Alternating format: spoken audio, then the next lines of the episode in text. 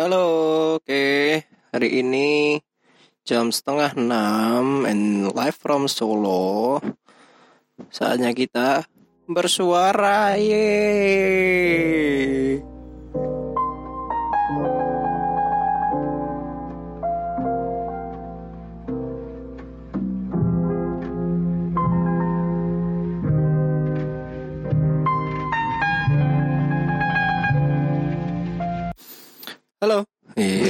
Welcome back with me again. Hari ini kita akan bahas topik yang cukup membuatku resah, ya, kan keresahanku, iya, iya. Cukup membuatku ganjel, ganjel banget dan pengen aku ungkapin sebetulnya dari dulu teman. Oke, hari ini baru bisa diungkapin. Hmm, aku mau bahas hari ini tentang pertelevisian Indonesia. Wow, apa ini yang dibahas? Hmm, sebelumnya sebelum bahas, aku mau kasih satu quote dulu. Aku mau satu lap, aku mau sampaikan eh, apa sih? Aku mau berikan satu quote dulu ya. Baru kali ini ya, jual podcast kasih quote. aku mau kasih quote yaitu apa yang kau input itulah outputmu. Apa yang kau input itulah outputmu. Iya, oke. Okay?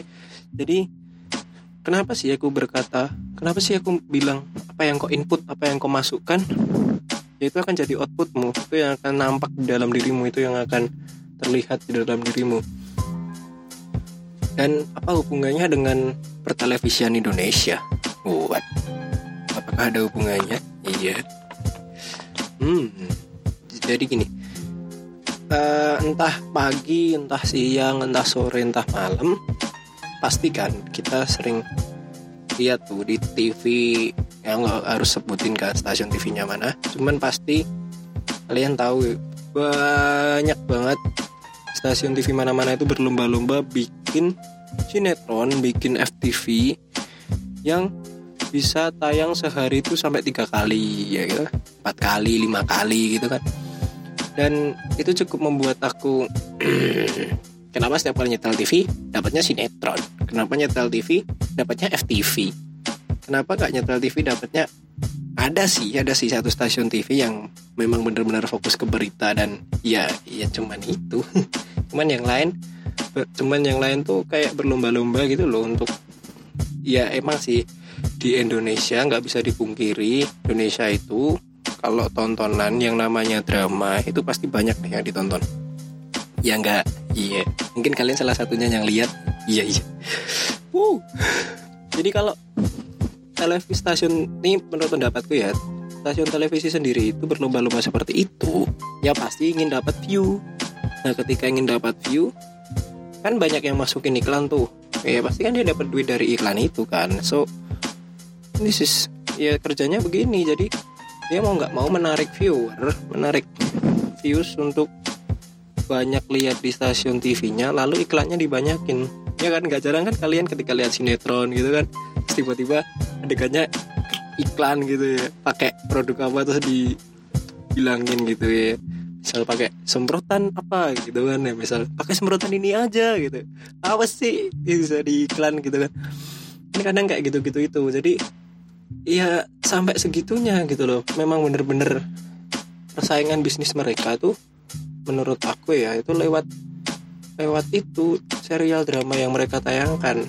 Kalau sinetronnya laris atau FTV-nya laris pasti banyak kan yang nonton walaupun iklan aja ditunggu gitu loh sampai iklannya kembali lagi. Nah aku mau yang aku mirip di sini adalah ketika anak-anak ketika zamanku dulu itu masih ada gitu loh kartun yang cukup membangun cukup cukup bagus. Contoh nih ya satu ya Haji ya kan? Pernah lihat Haji nggak? Eh, Haji anak yang sebatang kara gitu ya gitu gitu yang lebah itu loh mencari ibunya itu. Itu aku masih ingat banget ceritanya gitu. Dan itu cukup menghibur dan mendidik gitu loh. Dan ada juga lagi Hamtaro ya toh. Rukutuk Hamtaro beraksi Rukutuk. Ya yang gitu-gitu itu terus. Sama ada lagi apa sih Rayon Shinchan ya kan cukup lucu kan Shinchan ada sih masih ada sampai sekarang Doraemon itu masih ada. Tapi kebanyakan sinetron ya nggak sih?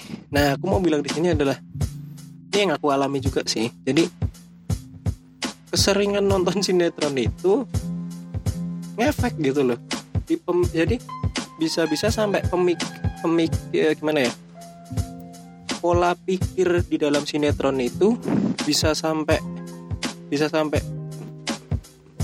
gimana sampai-sampai bis eh gimana? Oh doa sih nggak sadar kalian menerapkannya gitu mel, mel, melakukannya sama gimana? Hmm nangkal banget ngomongnya. Uh, kalau kalian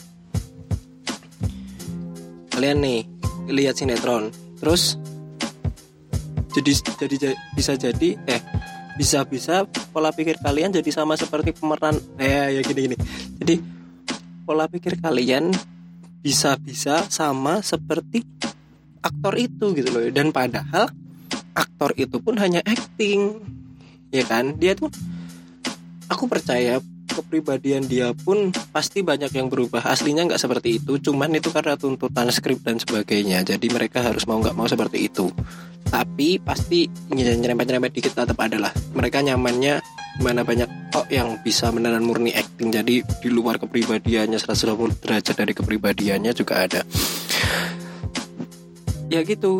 Bahkan dia pun mungkin nggak seperti itu gitu loh. Tapi kita yang lihat itu bisa-bisa kita jadi berpola pikir seperti tokoh itu ya kan?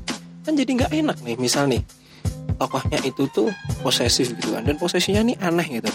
Misal nih ada dia punya pacar anggap aja ini aku ngasal ya namanya ya. Misal nih si si Andi dan si Risa gitu ya. Andi Risa ini pacaran nih ceritanya. Pacaran tapi si Andi ini posesif gitu. Cuman si Risa ini si, si Andi dan Risa ini karakternya beda gitu tipenya. Dan mereka pun ketemunya pun nggak sengaja gitu loh padahal. Tapi tapi mereka ini udah ya udah deket dah lama gitu sih. Terus singkat cerita si Risa ini keluar negeri dong. Misalnya dia sekolah gitu. Atau si cowok ini nih karena dia posesif otomatis kan dia berpikiran dia enggak tuh. Dia berpikiran yang bahwa jangan-jangan nanti di sana gini jangan-jangan nanti di sana dia udah punya pacar baru. Dia di sana udah nikah udah apa udah apa udah apa udah apa. Kan apa sih gitu kan? Nggak kayak ya gitu sampai-sampai nggak hal-hal yang nggak masuk akal gitu loh berpikiran yang nggak nggak penting banget. Maksudnya menurut halo ngapain sih? gitu. Ya so gitu sih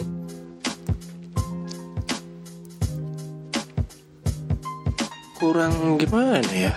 Ya sam dan aku rasakan seperti itu gitu loh. Tanpa sadar dulu dulu dulu sih dulu dulu suka kan ya ya iya, iya, kan aku sampai tahu ceritanya. Dulu suka uh, karena gabut jadi misal pulang sekolah gitu nonton itu kan tiba-tiba FTV kan ya udah aku nonton gitu. Dan sampai akhirnya bosen banget karena alur ceritanya tuh mudah ketebak. Jadi gini alur ceritanya FTV kalau aku boleh menyimpulkan itu dia alur ceritanya gini. Nggak kenal bukan siapa-siapa terus ketemu mungkin ketemunya di jalan atau ketabrak atau apa atau gimana ya atau ketemu atau dipertemukan. Dan biasanya itu tuh jelek banget antara yang cowok atau cewek itu yang satu miskin yang satu kaya banget pasti gitu kan. Terus ketemu akhirnya dekat dekat singkat cerita konflik. Konflik ternyata orang tua mereka udah saling kenal dekat lagi dong dekat lagi terus konflik lagi. Karena ternyata ada pasangan di luar kota lain. Sampai apa kan aku? Ya emang alur reaktif itu gitu mudah ditebak banget ya loh. Dan akhirnya putus putus kangen nih ketemu lagi. Jadian akhirnya happily forever after. Jadi ya apa sih? Semua semua alur yang TV kayak gitu semua gitu loh. Kan males sih banget ya. Bosen aku sampai lihat ya dan aktornya pun ya itu itu terus. Ya mau gimana lagi? Ya gitu dan itu pun ngefek banget ke aku jadi kayak pemikiran pemikirannya itu mungkin teman-teman juga ngerasain ya atau gimana. Dan uh, pemikiran-pemikirannya itu bisa uh, bisa masuk di pikiran gitu loh. Padahal aku I'm not supposed to mikir pemikir memikirkan itu. Wong ya juga acting kan dan ada lagi nih yang paling miris uh, bicara tentang apa yang kau input itu adalah jadi outputmu. Nih ada salah satu uh, aku nggak memojokkan youtuber dan aku nggak pansos karena aku hanya ingin men-sharingkan something dan ini cukup miris.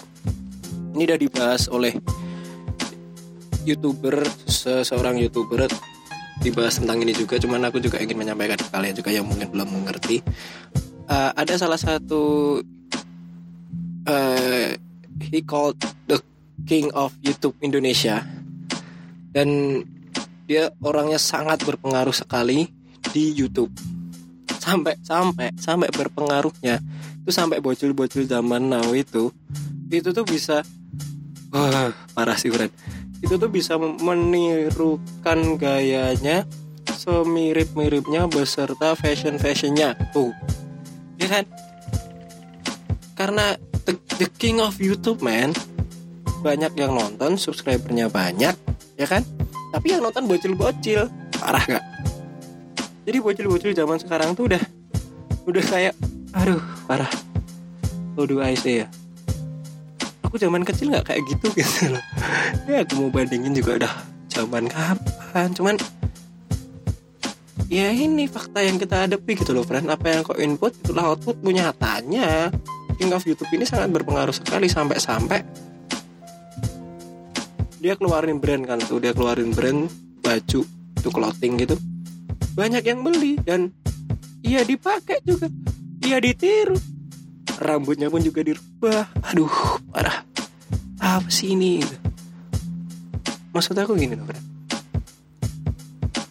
mungkin gini ya mungkin ini menurut opini gue sih mungkin menurut gue para bocil-bocil ini dan fansnya The King of YouTube ini aku nggak mau sebut nama orang kalian dah tahu ya tuh. Ngapain sebut nama? Fansnya The King of YouTube ini itu dia mungkin terlalu sering melihat videonya yang diupload setiap hari dan jatuhnya jadi mereka tuh nginputnya salah tubuh ke, ke dirinya dia gitu loh. Cuman aku nggak aku nggak menyalahkan King of YouTube-nya loh ya. Aku nggak menyalahkan si King of YouTube ini. Ya siap dia dia nggak aku nggak menyalahkan ini. Dia dia keren sih. Dia mewakili Indonesia ya atau sampai di kancah mana sih? Asia Pasifik ya? Lupa aku. Pokoknya itu aku apresiasi dia. Cuman ini nih fansnya ini nginputnya ke dirinya tuh salah gitu. Kadang tuh greget sendiri. Sampai sampai segala sesuatunya harus mirip. Semuanya harus mirip. Ya enggak kenapa enggak kalian ambil sisi positifnya? Eh ya dia positif juga sih cuman pakai cuman kenapa kamu tiru plak gitu loh? Halo? Kalian tuh uh, nggak nggak banget. Gitu kenapa sih harus harus sama plug serat oke lah kalian ngefans. Cuman kenapa harus sama plug 100% sama gitu loh?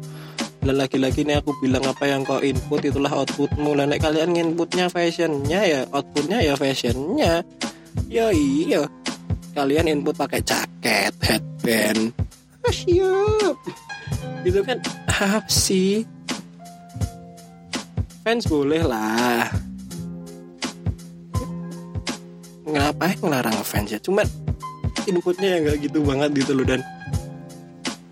Inspirasi bagus. Memang menginspirasi sih.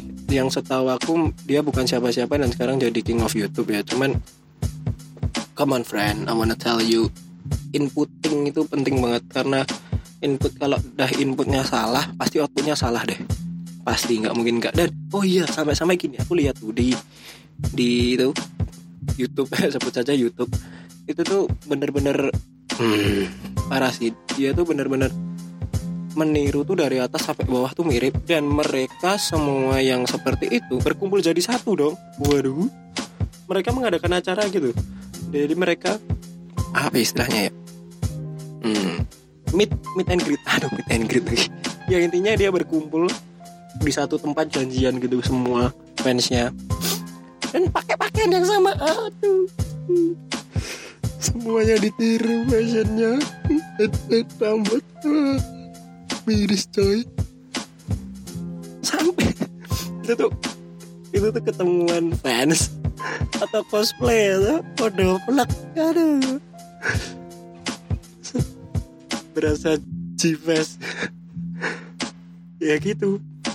Inputnya ini pasti mereka inputnya Claire dulu. Karena mereka tuh wah aku kudu jadi persis. Aku kudu jadi seperti dia. Jadi seperti dia gimana? Jadi seperti dia ya berpenampilan seperti dia. Ya kalau nggak cocok jangan kamu paksakan. Aduh gimana sih?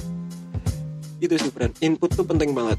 Dan emang benar-benar aku rasakan ketika keseringan nonton sinetron keseringan nonton FTV dan drama-drama gak jelas itu mm, membuat pola pikirmu tuh ya akhirnya jadi sama seperti apa itu gitu loh benar-benar sebelum input tuh saringannya memang harus ketat dulu benar-benar disaring benar oke okay lah. Aku nggak ngelarang loh ya nonton sinetron aku nggak ngelarang nonton film drama drama Korea. Eh aduh sebutin lagi tuh. Drakor ya. Aku nggak ngelarang. Ngapain juga aku ngelarang gitu. Cuman aku juga nggak nggak jijik juga sama itu. Cuman bener-bener saringan dalam inputnya itu harus ketat banget. Karena kalau enggak kalian terima semuanya jadi bisa jadi nanti malah kalian kalau nonton drakor nanti kalian yang pertamanya nggak melo jadi melo dong. Ya enggak yang kalian nggak baperan nanti jadi baperan ya itu sih. Dan anehnya di Indonesia segala sesuatu yang terjadi di lingkungan di di masyarakat sekitar itu pasti yang disalahkan media. I don't know why pasti ujungnya yang misal nih yang barusan nih gampang lah. Barusan ada kejadian di itu New Zealand. Teroris teroris. Oh ya terorisme tembak-tembakan di masjid kan. Menembaki orang-orang yang lagi sholat jumat di masjid. Dan aku pribadi pun sangat miris dan aku pribadi pun sangat hmm, turut berduka cita juga. Karena dari bukan bukan dari iman yang sama tapi aku merasakan bahwa itu tidak ada rasa kemanusiaannya sama sekali dan di situ Indonesia udah gaduh dong Indonesia udah sibuk dengan permasalahan game dan banyak yang di eh, akhir-akhir ini aku barusan lihat itu sampai-sampai game itu di dilarang untuk orang-orang tuh memainkan game itu di bawah usia 18 tahun. Ya, aku bersyukur sih karena game itu kalau dimainkan umur 3 tahun nanti kalah ya. Maksud ya mereka memainkannya itu lagi kan? Yang disalahkan gamenya kan? Pemerintah menyalahkan gamenya karena game itu bisa memberikan apa istilahnya kemarin itu bisa memberikan inspirasi bayangkan main game bisa memberikan inspirasi. Iya dari inspirasi itu dari mana-mana friend menurutku. Itu inspirasi itu bisa dari mana-mana. Gamenya mau di banned mau dihapus pun juga inspirasi akan datang kalau memang orang niatnya jelek. Lagi-lagi emang apa yang kau input ya itu akan jadi outputmu. Kalau orangnya terorisnya yang di New Zealand itu inputnya mungkin game ini ya akan terinspirasi otomatis orang inputnya dia game ini oh dia itu tuh kalau dia nggak niat ya nggak bakal kayak gitu. Awalnya tuh pasti niat terus inputnya kayak gitu. Ya kalau inputingnya salah dari awal ya jangan disalahkan gamenya. Gamenya tidak salah gamenya dibuat untuk hiburan gitu loh friend. Wah aku ngeritik pemerintah ini. Nggak sih memang aneh di Indonesia itu. Bahkan lembaga sensor ah ini siapa yang nyensor di TV TV nggak tahu siapa yang nyensor intinya aneh banget gitu film Doraemon ya kartun Doraemon ya kan kalian lihat itu tuh bagian-bagian yang nggak penting bagian-bagian yang biasanya tayang itu tuh disensor Fred. Jadi misalnya ada si, si Suka nih, si Suka lagi ngobrol, ada ada di bagian mananya si Suka itu disensor gitu. Ngapain orang dia juga masih pakai baju? Ah. Itu tuh malah menimbulkan pikiran yang enggak enggak gitu loh. Mana Doraemon ditonton anak kecil kan? Ah, menurut lo air. Aduh, gemes aku. Sedangkan sinetron Indonesia yang sevulgar itu aja nggak disensor gitu loh parah nggak sih parah parah nah yang padahal harusnya sinetron itu gak tayang setiap hari ya kan menurutku karena anak-anak akhirnya juga lihatnya itu karena hampir di semua stasiun TV adanya cuma sinetron kebanyakan. Jadinya aneh gitu loh. Kenapa nggak kenapa yang disaring bener-bener tuh yang sinetronnya dan kartun-kartun yang biasa gitu tuh nggak usah ya ya ya segitulah kalian bisa menilai sendirilah bagaimana. Dan yang mau aku tekankan di sini lagi-lagi kita nggak bisa gitu loh salahin platformnya. Toh semua semua karya itu baik. Ya nggak? Setuju nggak? Semua karya baik tergantung kita sudut pandangnya bagaimana dan tergantung kita input dalam dirinya bagaimana kan? Lagi-lagi kalau memang kita inputnya salah ya jadi rusak jadi jelek. Aku pun juga belajar tentang input dan output ini apa yang apa yang masuk itu pasti akan terlihat. Akan terlihat di outputnya. Jadi ayo teman-teman sama-sama belajar. Kita menyaring input yang masuk ke dalam diri kita benar-benar. Kita tanya dulu ini berguna enggak ini baik enggak ini berkenan enggak ini sempurna enggak dan apakah ini merugikan orang lain kita benar-benar harus saring itu friend supaya nanti ketika bahan yang diinput itu sudah diproses dan akan menghasilkan output yang baik pula dan menyenangkan orang-orang sekitar kita juga. Dan ya harapan goalnya terakhir itu. So terima kasih sudah mendengarkan. Jangan bosan-bosan. Dan ini opiniku. Kalau ada opini yang lain yang mau disampaikan atau mau tanya-tanya atau mau kepoin aku silahkan buka di Instagram aku at u underscore l m y c h a e l u underscore l Michael Michael pakai y. Itu Twitter dan Instagramku don't forget to follow. Terima kasih sudah mendengarkan sekali lagi and goodbye